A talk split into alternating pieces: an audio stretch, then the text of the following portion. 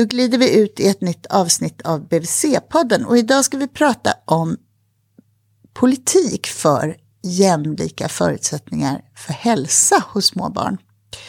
Jag heter Malin Bergström och är barnhälsovårdspsykolog och idag träffar jag Anna Starbrink heter jag och jag är hälso och sjukvårdsregionråd här i Stockholm. Ja, och det betyder att du har det yttersta ansvaret för mm.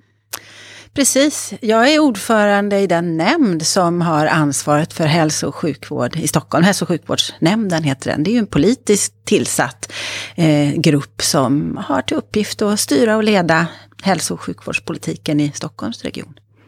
Och där en fjärdedel av Sveriges förskolebarn lever. Ja, det är väldigt många barn här. Ja. ja. Och barn med ganska vitt skilda förutsättningar för hälsa. Eller Stämmer, ja verkligen. Det är, vi har fantastiskt god hälsa om man tittar generellt, men vi har också väldigt många som behöver hjälp och stöd för att förbättra sin hälsa. Och det är väldigt ojämlikt fördelat kan man säga i regionen, beroende på var man bor någonstans. Om man eh, har, ja, vi brukar ju prata om socioekonomiska förutsättningar. Det handlar ju om utbildningsnivå, om man har jobb, om mamma och pappa har jobb eller inte. Och, eh, kan man språket och har man sjukdom i familjen miljön och så. Det finns massa aspekter på det här som, som spelar roll för barnens hälsa och förutsättningar.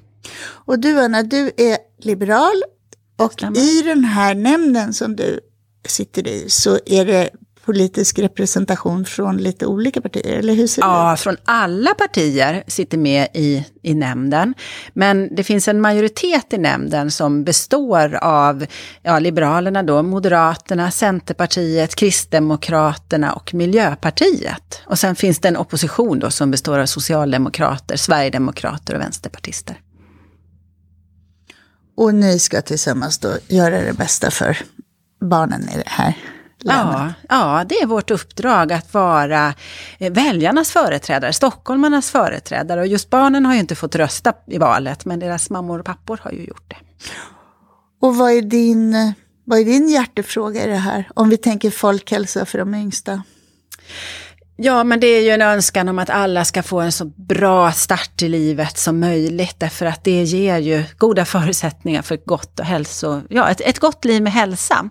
Men en sak som oroar mig lite särskilt nu, det är ju barnfettman. Att vi ser att det är många barn som eh, drabbas av övervikt och fetma. Och det där behöver vi verkligen ta upp kampen emot. För att det, det är ju ett sätt att, att verkligen investera för livet om vi kan få eh, barn att ha en bra hälsa när de är små och inte drabbas av övervikt och fetma. Mitt intryck är från den här hösten som knappt har börjat att det verkar finnas ett väldigt fokus på just den frågan just nu. Det finns många initiativ från olika håll. Ja, och jag tror att det beror på att frågan har uppmärksammats på, under en tid och vi har fått flera rapporter som visar att eh, barnfettman i Sverige ökar. Den gör inte det riktigt i Stockholm, den ligger väl kanske still, men det, den är, det är för mycket ändå. Eh, så att jag tror att vi har fått mycket kunskap om att läget är rätt allvarligt och då är det många goda krafter som måste ta sig an det här och det är väl det som är på väg att hända just nu. Och vad tänker du då när du säger att det är en så viktig fråga? Är det prevention eller är det behandling? Behandling? Det är ju både och. Vi måste hjälpa dem som redan är drabbade, men vi måste också göra allt vi kan för att inte fler ska hamna i, i det här eh, dåliga, för hälsan dåliga läget. Och finns det något konkret du tänker där? Ja, det gör jag. Vi måste samarbeta många aktörer i, i länet. Det är ju inte, såklart, vården kan ju inte eh, göra det här ensamma. Det måste vi samarbeta med förskola, skola, eh, men också göra väldigt tidiga insatser. Och en del områden områden i länet så har vi hembesöksprogram där man pratar om hälsa och det tror jag är ett viktigt recept för att faktiskt eh, stötta och hjälpa eh, föräldrarna till de allra minsta barnen. Eh, men sen handlar det om att vi måste kroka arm med förskolan och se till att vi får ett bra samarbete där också, sprida mycket kunskap. Det brister lite i kunskap fortfarande om goda levnadsvanor för barn. Och vikten av ja, bra, bra mat såklart, men också vikten av att röra på sig.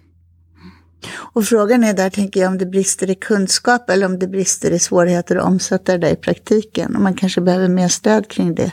Ja, det, jag tror att många på någon sorts teoretisk plan vet ungefär vad som är nyttigt. Men kunskapen om hur man hanterar det här i sin vardag kan behöva stärkas. Så då kan man ju verkligen behöva stöd från BVC till exempel, eller från förskolan och även civilsamhället. Hela föreningslivet kan ju göra goda insatser där. Och det finns mycket spännande som händer. Jag tänker på en frisk generation till exempel, som är ett initiativ där man kopplar ihop eh, eh skolelever med, och, och deras familjer, inte bara eleverna själva utan hela familjen som får möjlighet att prova på massa roliga idrotter i, i sin hemkommun och också träffas över en måltid och diskutera hälsa. Det är sånt som kan ge stora ringar på vattnet.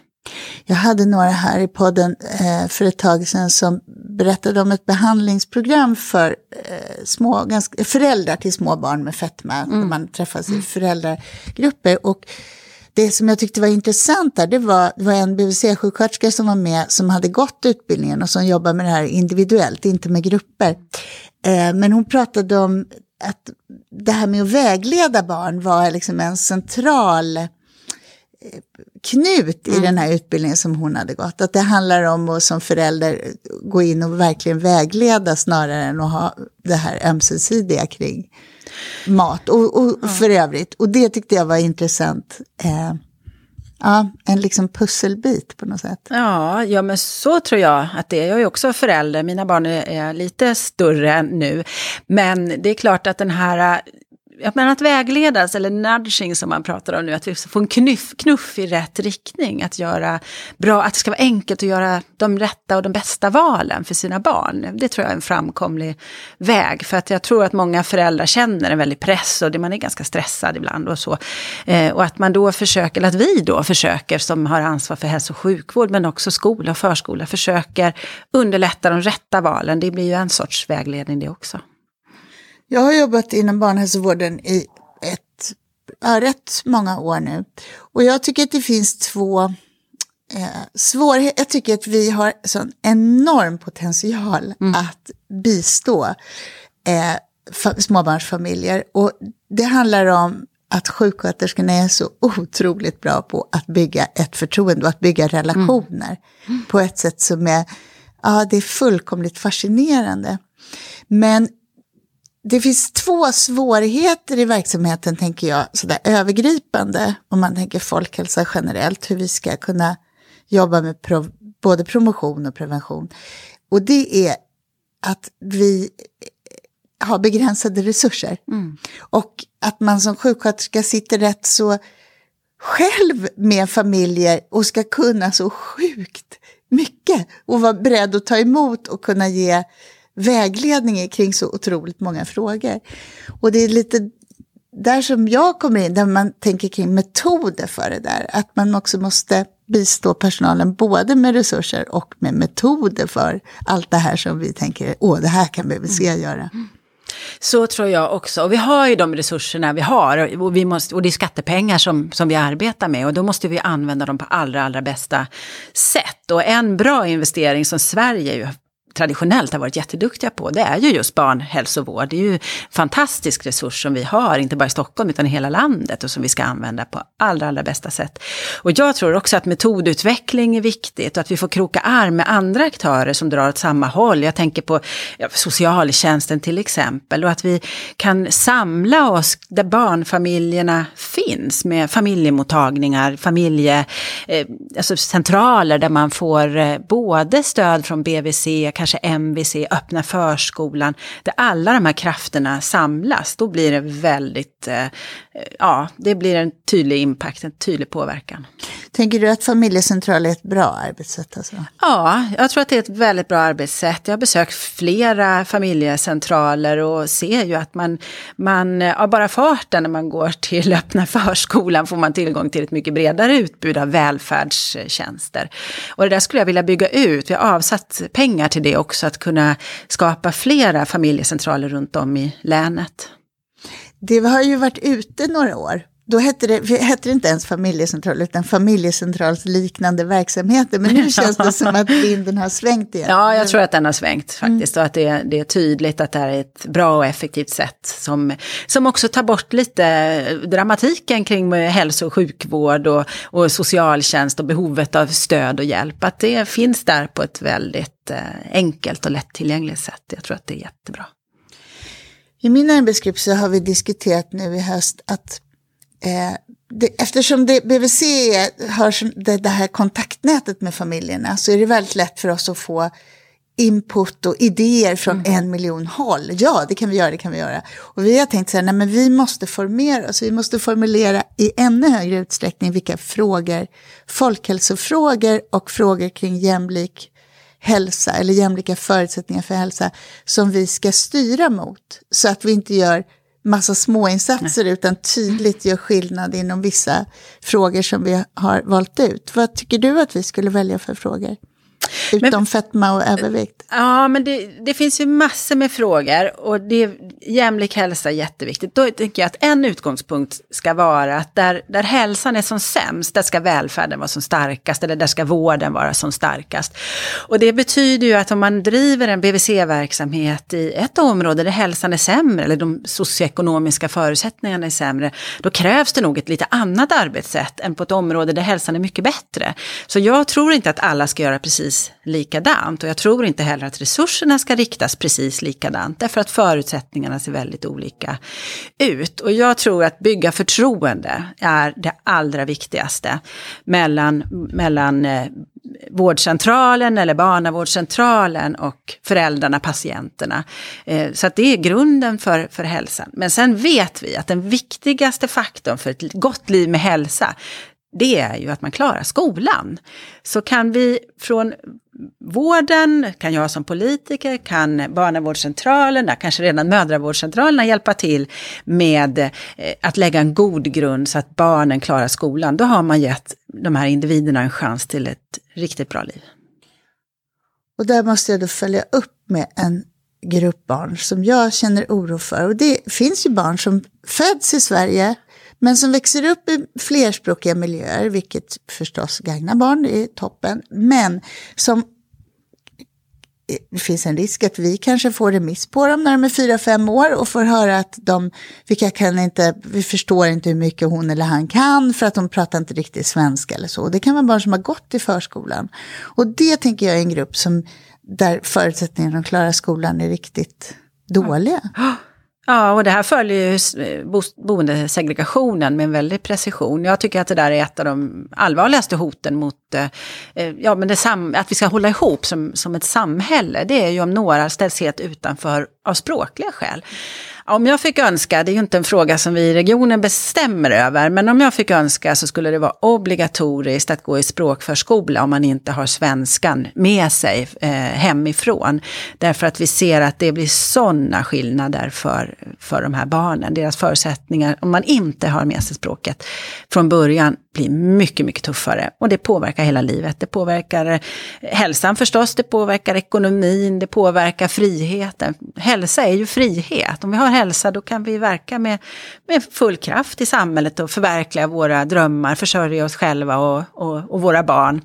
Eh, och det man måste börja tidigt för att det ska fungera. Så jag tycker det är förfärligt om små barn ställs utanför svenska kunskaperna av någon sorts, eh, inte vet jag, omsorg om att man ska få bestämma allting själv. Jag tycker att vi ska ha stor valfrihet, men jag tycker inte att man ska få välja bort det svenska språket för sina barn. Jag tycker att det inte handlar så mycket om att välja bort, utan att man hamnar i miljöer där man inte har, får den möjligheten eller tillgången. Ja, men så är det. Så är det absolut, att man hamnar i den situationen. Och, och man kanske är hemma, man får småsyskon, så blir man hemma längre. Det är inte heller bra. Det är viktigt att man får snabbt lära sig Men vad tänker svenska. du att en språkförskola är? Är det någonting annat än en vanlig förskola?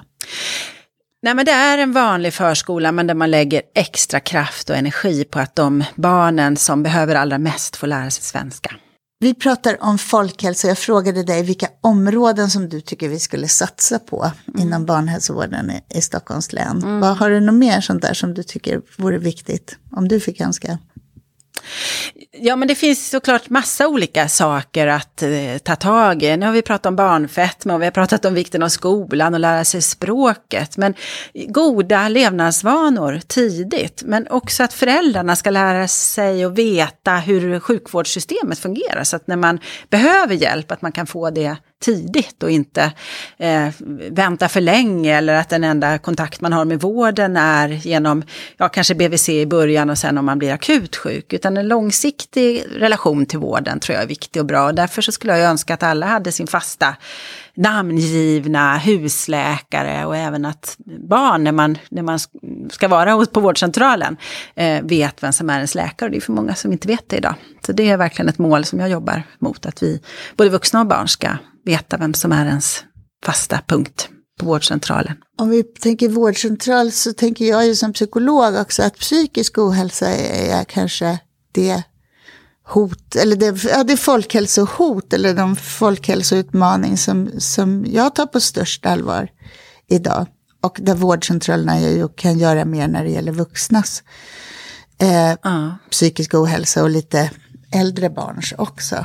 Men vad tänker du kring det då? Jo, men du har helt rätt i det och det kan man ju avläsa om man vill i statistiken också. Det är ju, alltså psykisk ohälsa är den vanligaste sjukskrivningsorsaken hos, hos vuxna. Och när vuxna drabbas av psykisk ohälsa så är det ju stor risk att deras barn påverkas också förstås. Och vi ser också att unga flickor har, och pojkar också, men flickor i ännu högre grad eh, drabbas av psykisk ohälsa.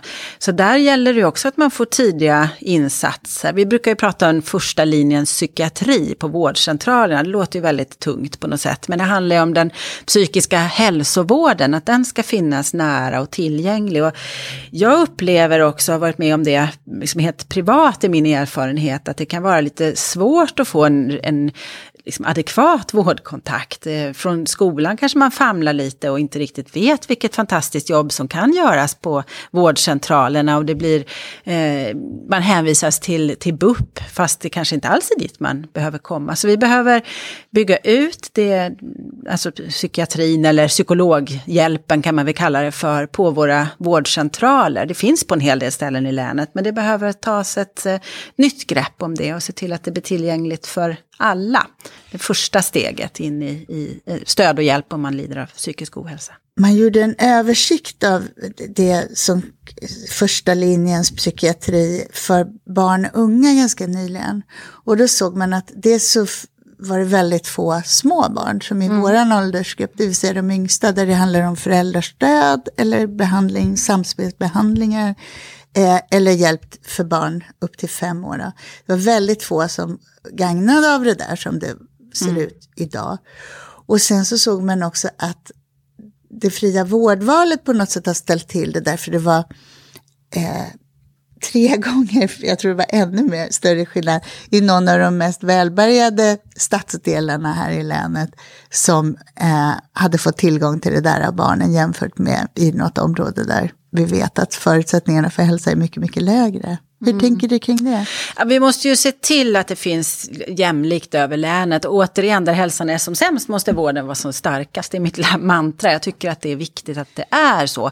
Och det finns på ett antal platser i länet, men inte alls tillräckligt ut byggt. Och det har ju varit en, en period när vi har testat den här modellen. Den funkar sådär, men vi behöver komma, alltså det borde vara tillgängligt överallt i hela länet. Det kanske inte är så att man kommer att ha psykologer fast anställda på alla vårdcentraler.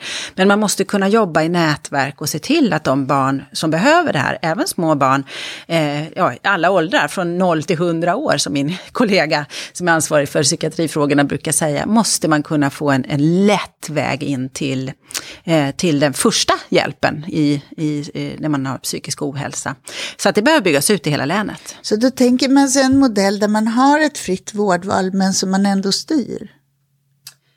Ja, men du väljer ju din vårdcentral. Sen ska din vårdcentral vara skyldig att se till att eh, organisera eh, sig eller sina samarbeten med andra aktörer så att alla eh, får tillgång till den här vården. Eh, men det finns en poäng i att vi som patienter får välja vilken vårdcentral vi vill gå till. Men det, det är ju inte så att vårdcentralen ska ha fritt valt om man ska erbjuda eh, hjälp vid psykisk ohälsa. Det måste alla kunna göra och vi måste eh, samtala och diskutera med vårdcentralen vårdcentralerna hur vi gör det här på bästa sätt så att resurserna räcker till också. Så fritt för familjer och patienter och styrt för vårdgivare. Vilket uppdrag vårdgivarna har och får betalt för, det ska ju vi styra såklart. Du, jag har en annan liten hjärtefråga som jag vill diskutera mm. med dig. Eh, inom barnhälsovården i Stockholms län så är, när det kommer till sjuksköterskor så är vi 100% kvinnor tror jag, ja. idag. Och jag tycker att det där är en utmaning för att eh, dels så måste vi jobba jämställt. Och jag tror att jämställdhet mellan föräldrar är kanske extra viktig i en livsperiod när barnen är små. Därför att man också blir förebild kring könsroller och så vidare för det lilla barnet. Eh, och det, det verkar finnas ett liksom upptrampade stigar kring att det är lätt för mig som kvinnlig vårdgivare att möta en mamma och jag kan lätt leva mig in i det där och så. Och så måste vi jobba på att vrida det här så att det får ett barnfokus, det vill säga vi måste inkludera båda föräldrarna. Mm. Hur tänker du kring det? Ja, det är, det är ju som du säger, alla är kvinnor. Och vad värre är så är det ju nästan alla miljöer där små barn vistas. Så är det bara kvinnor, med några undantag förstås. Men i hög grad så är det ju kvinnor som jobbar i förskolan, kvinnor som finns på BVC, eh, på öppna förskolan och i många andra eh, sammanhang. Och det är klart att det ger ju en ganska ensidig bild för barnen. Och samtidigt så i alla fall i Stockholm så tycker jag att vi ser väldigt många pappor som är ute och rullar barnvagn och tar jättestort ansvar för sina barn. Och det är precis så vi vill ha det. Men det är inte riktigt bra om de här papporna och deras barn också bara möter kvinnor. Det liksom manliga perspektivet på föräldraskap eh, behöver ju också adresseras. Jag föreställer mig att precis som när jag var nybliven småbarnsmamma och hade massor med frågor, både min egen kropp men också om mitt barn, så hade ju min man också massa frågor om barnet och så. Och, och kunna relatera till det ur pappaperspektiv, det är nog viktigt. Men där är vi ju långt ifrån bra helt enkelt. Det, och jag har inget recept på hur vi ska locka fler män till, eh, till yrket. Det kanske du har? Nej, men jag tänker att vi, att vi borde verkligen driva det åt det hållet. Jag tror att det där är, om man tänker folkhälsa så tänker jag att det där måste vara, om varje barn kan få tillgång till två föräldrar som mår så bra som de bara kan. Mm. Om vi har liksom backat lite grann Anna, så tänker jag så här, vad, om vi ska arbeta för att öka förutsättningarna för jämlik hälsa i Region Stockholm. Vad är, vad är dina liksom, politiska strategier för det? Eller hur tänker du kring den frågan? Kring hur vi skapar mer jämlik hälsa i regionen? Ja, alltså det finns ju inte en lösning på det, utan det finns många olika lösningar. Men jag tror att, den, att utveckla det som vi ibland kallar för den nära vården, som ju är öppenvården, det är vårdcentralerna, eh, BVC, eh, den typen av verksamheter, att den finns väl representerad, särskilt i de områdena där hälsan är som sämst. Men också att eh, varje mamma och pappa har en, alltså känner den personen som jobbar i vården. Att man får ha sin fasta namngivna kontakt som man får återkomma till. Kontinuitet är jätteviktigt. Så att jag tror att kontinuitet och tillgänglighet, i, både att man ska ha öppet och vara välkomnande, men också finnas geografiskt spritt över hela länet. Det tror jag är viktiga strategier för att förbättra den jämlika vården och därmed den jämlika hälsan. På BVC har ju, är ju det där vårt framgångsrecept. Mm. Att man lär känna familjerna i en livsperiod när man är väldigt öppen.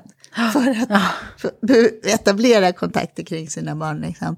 Men hur, hur, hur, hur ser man till att, det, att man får en ökad kontinuitet då?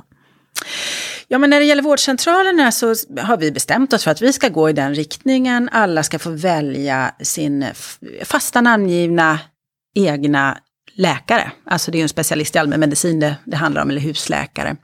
Eh, vi, vi, behöver bestämma oss för att gå i den riktningen och faktiskt genomföra det. För Sverige är bland jämförbara länder faktiskt sämst i klassen när man frågar, eh, då är det lite äldre personer man har frågat i Sverige och i många andra länder. Då är det, Sverige är liksom sämst på det här och det tycker inte jag duger. Och det vi vet att kontinuitet är, är viktigt. Det skapar trygghet och tillit och eh, gör ju också att man som patient får en, en eh, inte behöver upprepa sig och berätta sina problem eller hur man har det för så många personer. Och ska man jobba med hälsa föreställer jag mig att man måste bygga tillit så att man verkligen, patienterna verkligen vågar öppna sig. Så att eh, det, vi behöver fatta helt enkelt politiska beslut och styra eh, med det genom att säga att det ska vara på det här viset och vi får också styra med pengar så att det blir på det viset. Och då tänker du att det också kan leda till att, att folk stannar mer? Ja, Eh, ja, det är jag helt övertygad om. Att det gör ju också att man får en, en... Det är inte bara patienten som får kontinuitet, det blir ju också så för, för läkaren och distriktssköterskan till exempel, eller BVC-sköterskan. min erfarenhet, och utan att jag har eh, siffror på det, är att många upplever att man har en bra och fast kontakt med sin BVC-sköterska. Men sen när man kommer till vårdcentralen så är det sämre ställt med det. Jag tänker för oss på BVC också att det är en stor utmaning. Mm. Så fort vi får ökad rörlighet bland personalen så tappar vi något av det som är grunden. Så ja. det är verkligen en, ja. en risk. Du, ett litet annat spår så vet jag att du för eh, någon vecka sedan engagerade, eller jag vet att du över tid engagerar dig i frågan kring ensamhet. Och jag vet att du deltog i något evenemang bara för någon vecka sedan kring ja, det. det. Och det var ju någonting som jag hade tänkt, ja men det där, är det verkligen vår eller är det där en privat grej eller så? Men det där är ju ett fenomen som kan vara nog så eh, påfrestande om man är nybliven förälder. Ja, ofrivillig ensamhet, det påverkar hälsan enormt mycket och välbefinnandet förstås också. Det finns rätt mycket studier nu som visar att det påverkar hälsan lika mycket som rökning eller dåliga kostvanor eller stillasittande. Så det är verkligen en fråga för vården att fundera kring. Det är klart att vården eller politiken för den delen inte kan kommendera fram värdefulla relationer. Men kan vi på något vis underlätta och adressera den här frågan så tror jag att det vore bra. Och det får nog ske kanske i samarbete med eh, den ideella sektorn, föreningslivet, eh, föräldragrupper är ju jättebra sätt att, att få kontakter med. Och jag minns det själv när jag var föräldraledig. Min, min yngsta är 12 år nu, så det är ju ett tag sedan. Men den, det tror jag inte man föreställer sig när man väntar sitt barn. Man, blir, man har en, kanske i bästa fall en härlig bild av hur det ska bli med föräldraskapet. Man laddar det fullt med drömmar och det är lite rosenrött sådär. Och sen kan det bli ganska tufft att inse att man är ganska ensam. För man är ensam hemma på dagarna. Eh, det, man träffar inte så många andra vuxna kanske. Eh, och är man dessutom i en situation där man inte känner så många eller kanske inte ens kan språket. Då blir man väldigt, väldigt eh, isolerad. Och det är rätt farligt för oss vi är sociala varelser och behöver vara tillsammans.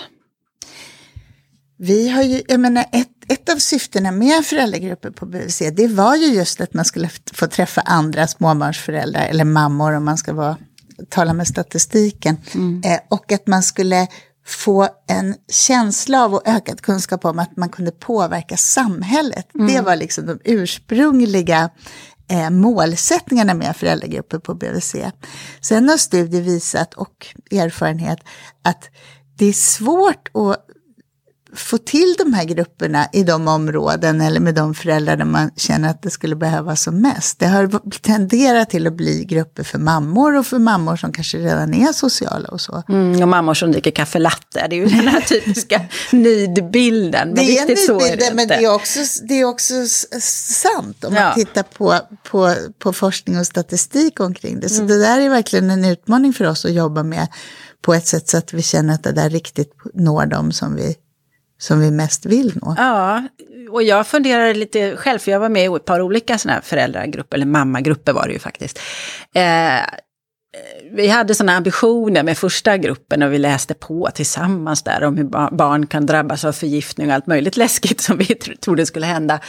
Eh, och sen rann det där ut i sanden. Sen nästa, nästa omgång, då kände det gänget som fick barn samtidigt, nej men vi, vi umgås, vi, vi går promenader istället det är väl fullt tillräckligt att man bryter isoleringen. Sen är det ju jättebra om man lär sig saker tillsammans och sådär. Men det viktigaste funktionen för mig i alla fall, det var ju faktiskt att få vänner och inte känna mig så ensam. Mm. Och då får det nog komma upp på agendan, för det där kan vara svårt ja. för en som inom BVC att känna att det är vårt mål. Ja. Vi öppnar förskolan på många håll. Ja, det finns massor med viktiga saker som man kan mata det här med.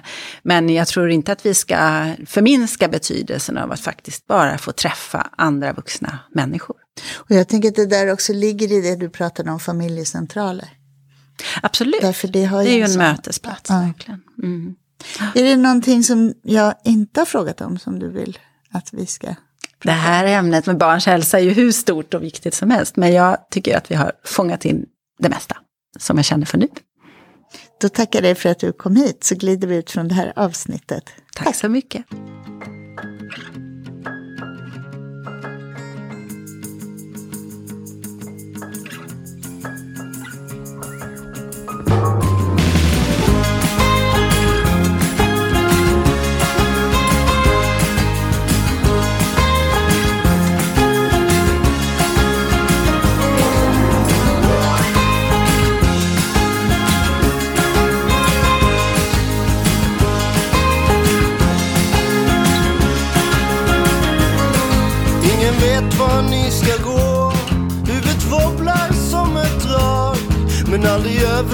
Utan så Ett på djupet neverending slag. När era radiostyrda röster ömsint kittlar min fantasi.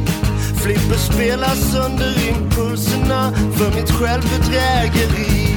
När ni skjuter ut i natten finns det inget av mig kvar. Alla döda ögonskratten Bara vakten minns vem som var. När ni cementerar kvällen är det utan min frenesi? Den insomnade tunneln Vaknar aldrig mer till liv.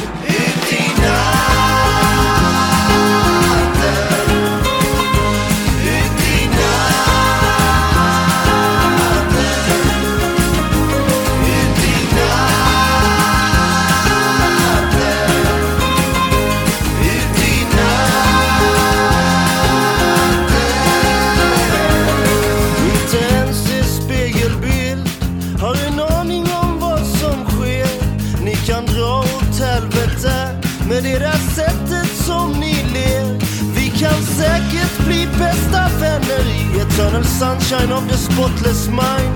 Men inte riktigt när du bara älskar mig genom rök och vodka lime. När ni skjuter ute i natten finns det inget av mig kvar. Alla döda ögonskratten Bara vakten minns vem som var. När ni cementerar kvällen Är det utan min frenesi. Den somnade eternellen. Vaknar aldrig mer till liv. Ut i